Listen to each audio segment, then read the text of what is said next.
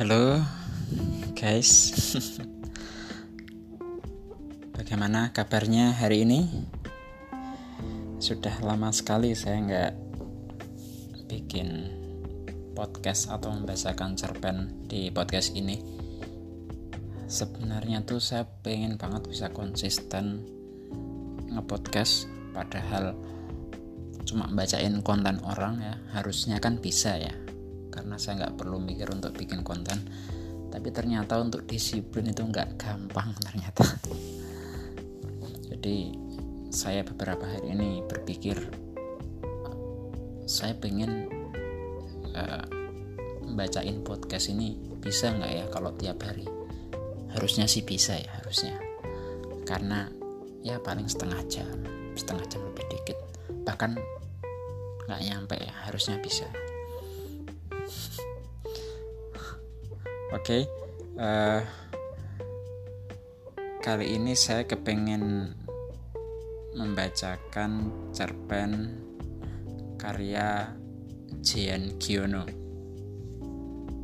Ini saya bacakan biografinya dulu ya. Jadi Jian Giono ini ini bukan orang Jawa ya, namanya Giono. Jian Giono lahir di Monascoy, Provinsi Pak Prancis pada tahun 1895. Dia sempat bekerja sebagai kasir bank selama 18 tahun sebelum kemudian dua novel pertamanya diterbitkan. Selanjutnya dia menulis 30-an novel, cerpen, dan esai. Karyanya yang paling terkenal adalah Un Renaissance Divertissement atau seorang raja yang tak punya hiburan dan Lome Kui Plantait des Arbres lelaki yang menanam pepohonan. Ini benar nggak bahasanya? yang kedua diadaptasi menjadi satu film animasi pendek pada tahun 1987 dan berhasil memenangkan Academy Award for Best Animated, Animated Short Film. Jen Giono wafat pada Oktober 1970. Nah, cerpen ini diterjemahkan oleh Rio Johan salah satu penulis muda favorit saya yang membuat saya terpukau setelah membaca buku kumpulan cerpennya yang berjudul Aksara Amananuna yang terbit tahun 2014 dan juga terpilih sebagai buku prosa pilihan Tempo pada tahun tersebut. Rio Johan juga menulis novel berjudul Ibu Susu pada tahun 2017 dan meraih Kosala Sastra Katulistiwa pada 2018 untuk kategori karya pertama dan kedua. Novel terbarunya yang akan segera terbit berjudul Buanglah Hajat pada tempatnya. Baik teman-teman, tidak usah berlama-lama. Mari kita Langsung saja baca cerpen berjudul Salib karya cerpen Jen Giono. Katakan Catherine, kaulah yang menampung tiga pemuda yang tiba tadi malam bukan? Ya, mereka tiba di depan pintu rumahku bersamaan dengan turunnya bulan. Mereka apakan salib kayu besar yang mereka bawa? Mereka letakkan di dinding ruangan tempat aku merawat mereka. Parahkah kondisi mereka? Mereka masih muda dan seperti mayat, tapi bau kanan yang pirang, sobek, dan darah yang keluar sudah menghitam. Yang paling besar di antara mereka menderita luka parah dan tubuh besarnya terkapar seperti tuna yang siap dijagal tukang daging. Dia di terbaring di kasur belakang. Dia terbaring di kasur belakang. Kedua kakinya mengangkang. Si kecil bertahan terlepas dari kondisi kakinya. Jari-jarinya sehitam blackberry. Mereka mengaku kalau mereka datang dari jauh. Dari ujung lain Prancis. Dari mana? Lebih dari seribu kilometer dari sini dekat dengan Spanyol. Karena aku sedang menghemat listrik, malam itu kubiarkan pintuku terbuka supaya sinar bulan masuk. Aku dengar bunyi langkah kaki dari jalan setapak. Siapa yang menggotong salib? Kalau tak salah, yang hitam kecil, yang pirang yang pertama kali masuk. di bawah sinar. Baunya yang terluka membuatnya terlihat seperti orang yang tengah keberatan membawa tas lempang. Aku sempat berpikir kalau dia orang setempat. Ketika bersuara, barulah aku tahu kalau dia datang dari jauh. Bagaimana dia menjelaskan kedatangan mereka? Dengan sopan. Dia menjelaskan kalau mereka bertiga membawa sebuah salib menuju La Salete demi kedamaian. Kunyalakan lampu, kulihat darah di bajunya sudah ber, sudah sewarna pelana kuda. Kukatakan, berhentilah sejak berhentilah sejenak di sini. Lantas aku nyalakan kompor dan kuletakkan sepotong daging babi asap dalam kuali.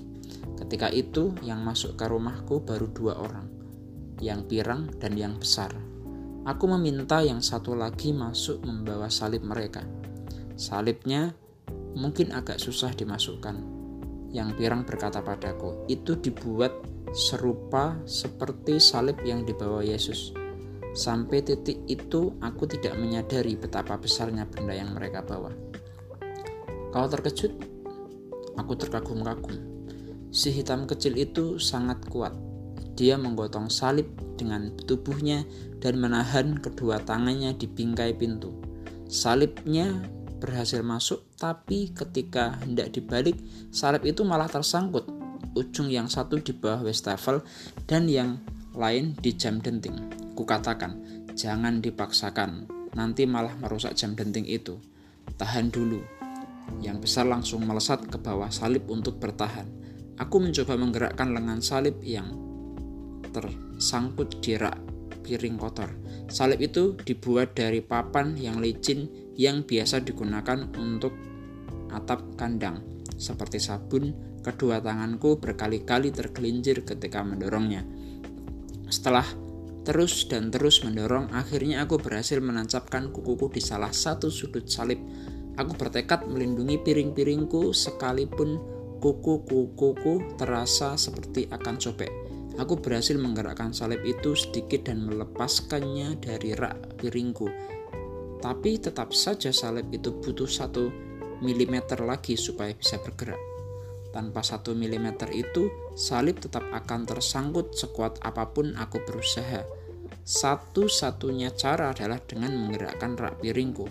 Kukatakan pada mereka, dorong sedikit dari sisimu, nak dan mereka lakukan persis seperti yang kuperintahkan. Kudengar bunyi kelak dan brak dan seketika itu juga sesuatu jatuh dari arah jendela. Kukatakan pada diriku sendiri, ya ampun, pastilah jam denting. Nah, segala upaya-upaya kecil yang sudah kulakukan sebelumnya telah membuatku berada di posisi yang cukup menyusahkan di antara kaki-kaki meja, punggung sebuah kursi, dan salah satu lengan salib. Dan aku bahkan tidak bisa mengangkat kepalaku dan melihat seberapa parah kerusakannya. Omong-omong, ketika itu aku sudah merasa tak perlu lagi memperingatkan mereka tentang jam denting. Eh, tahu-tahu jam denting itulah yang jatuh. Di saat yang sama mereka hentak-hentakkan salib suci itu, lengan yang telah kutahan dengan susah payah supaya sisi yang lain bisa bebas dari wastafel malah menyenggol rak. Aku pun mendengar bunyi piring-piringku seolah seolah-olah kacang hazel yang berjatuhan pecah. Aku berteriak. Aku lihat ujung salib itu di depan wajahku. Aku bergulat dengan kedua tanganku. Berat seluruh benda ini membuatku terjungkir balik sedemikian rupa. Aku pun terbaring di lantai. Tapi untungnya aku berhasil melindungi diri dengan kursi sehingga ujung salib itu tidak menimpa dadaku. Setelah itu, aku pun tersungkur di bawah naungan ketiak salib. Di saat yang bersamaan, aku mendengar bunyi-bunyian dari lampu di langit-langit dan cahayanya berkedip-kedip kuat. Aku menyahut hati-hati nak, dan mereka membalas kami semua sudah kewalahan. Mula-mula tercium bau kosong, dan seketika saja daging yang sebelumnya aku masak di kompor terbakar. Tiba-tiba saja aku membayangkan kami semua akan terpanggang habis dan aku berteriak kencang seperti seorang perempuan yang sudah kehilangan akal berharap pemuda-pemuda itu bisa bersih cepat melakukan sesuatu terhadap api tersebut. Matikan kompor itu. Tapi bagi mereka bencana tersebut pastilah luar biasa lucunya sebab aku dengar suara meniup-niup mereka seperti anjing laut Bau hangusnya semakin menjadi-jadi. Aku menggeliat-geliat seperti cacing, tapi salib itu menciumku seolah-olah itu adalah malam pernikahanku. Kukatakan pada diriku sendiri, camkan, ini adalah menit-menit terakhirmu dan ini adalah menit-menit yang baik. Sebaiknya akan berakhir menjadi asap. Loteng di atas penuh dengan jerami. Kuperintahkan mereka untuk mengambil satu kendi dan menyiram kompor tersebut habis sudah kompor itu. Tapi dalam situasi seperti ini, kau tahu orang harus bertindak cepat menangani api.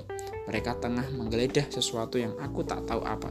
Dan salib itu semakin erat menjepit pinggangku seakan-akan memang itulah kehendaknya.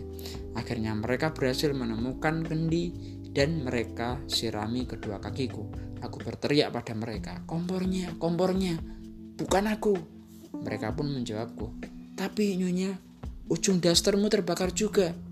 Tentu saja, akulah yang mengundang masuk semua petaka ini dan memang aku merasakan perih pada pahaku. Aku dorong salib itu dengan segenap tenagaku. Berani sumpah, aku sempat meninju papan itu. Dalam satu kedipan mata, aku pun berhasil berdiri. Lampu di langit-langit rubuh, jam denting jatuh, alat-alat dapur yang bergelantungan terlepas satu persatu. Kepala yang pirang dihantam oleh salib dan terjatuh dengan pantat dalam panci. Untungnya yang hitam berhasil meloncat kabur sekesit pegas mobil dan samar-samar dia berhasil menahan salib pada tepian meja. Lega juga. Asap dan bau kosong di mana-mana, tapi setidaknya tidak ada lagi api. Dasterku hangus sampai ke lutut semua kacau balau.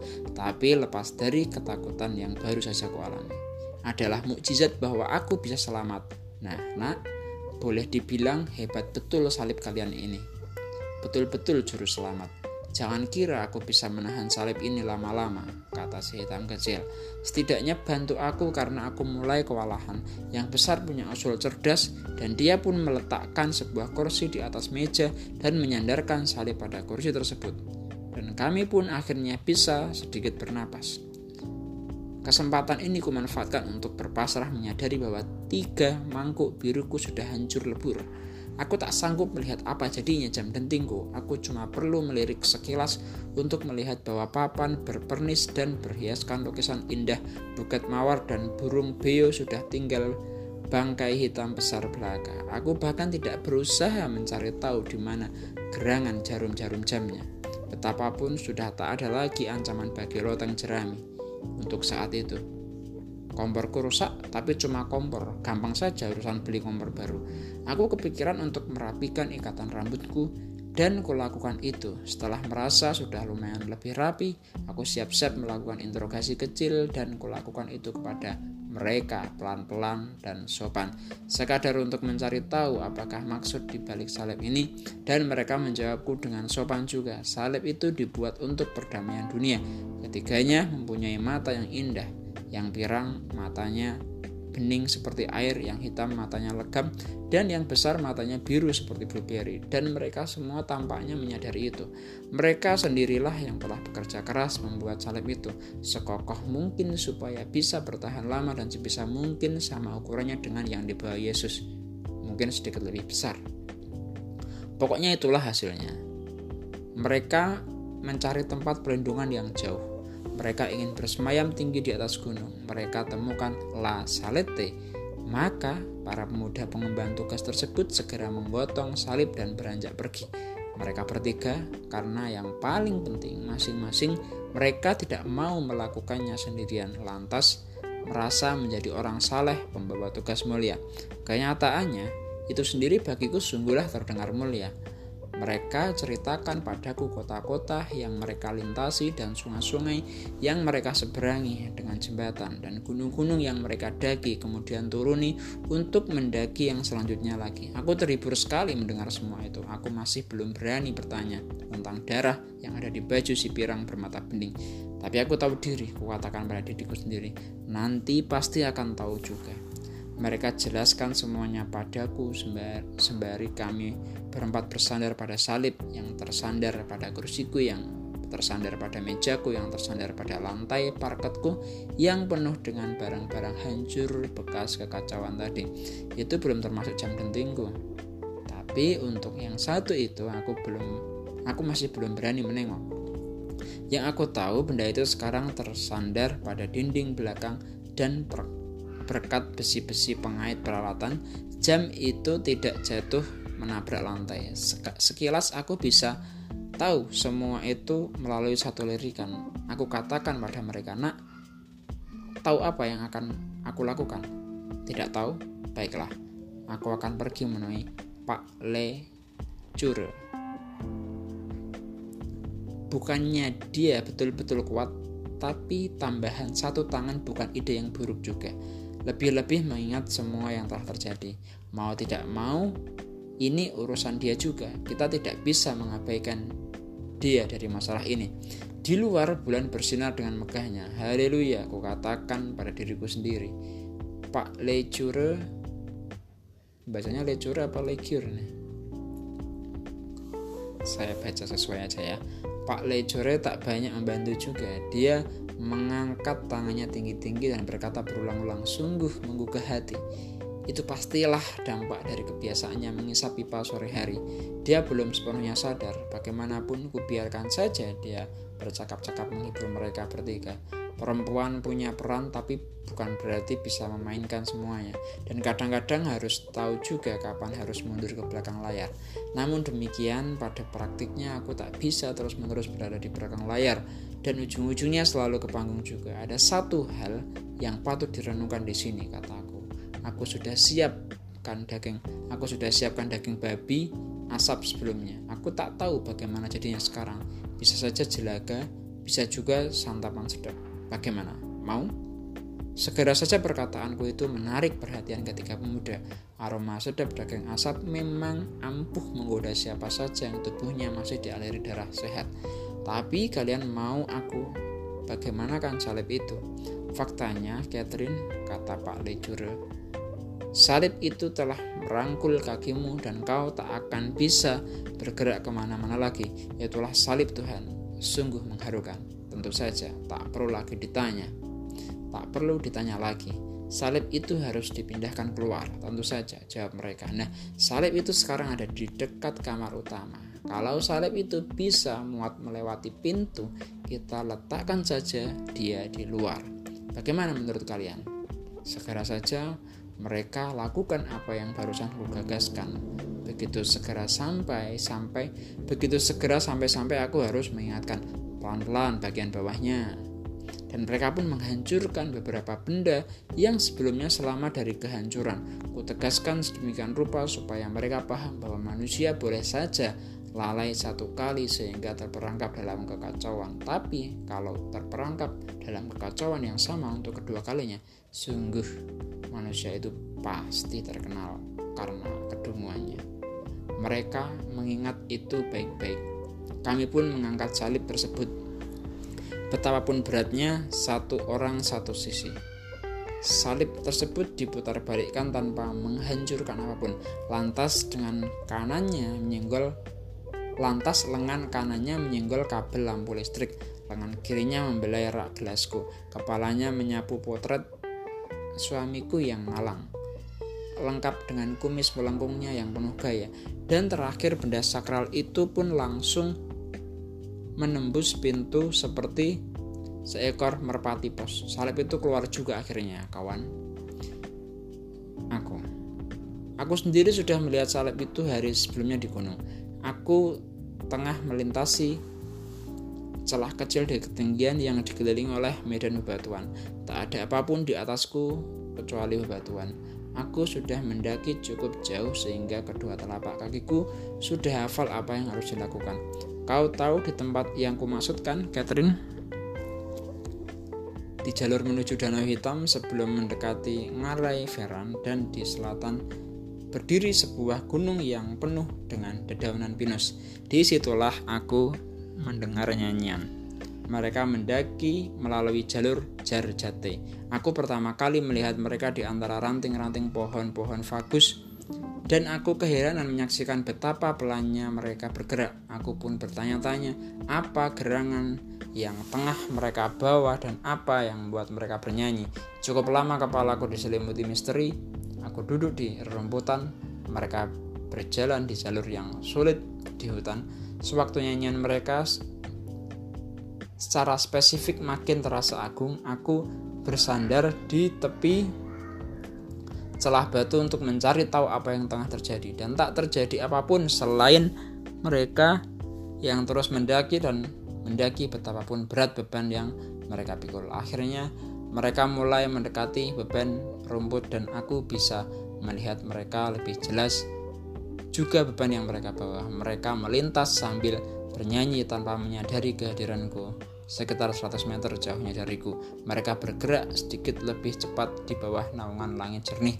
Di tengah-tengah panorama panorama bebatuan yang piranglah yang tengah memikul salib dan aku perhatikan ada noda hitam pada bagian bahu pakaiannya tapi lebih seperti basah keringat saja ketika itu kemudian mereka mulai turun dari gunung dan menghilang di telan rimbun pepohonan dan cukup lama aku masih mendengar suara mereka hingga lenyap di dalam lembah. Nah, betul. Kau sendiri tahu kan itu apa yang mereka lakukan itu memang semestinya dilakukan di luar ruangan. Sudah selesai. Sekali lagi itu tadi karya Jian Giono yang diterjemahkan oleh Rio Johan. Uh, mohon maaf ya teman-teman kalau saya membacakannya kecepatan atau tampak seperti kurang menghayati atau mungkin tidak ada beda antara percakapan yang sedang diucapkan karakter satu atau yang lainnya. Mohon maaf, saya pokoknya lagi pengen membacakan saja. Saya kepengen bisa konsisten, pengen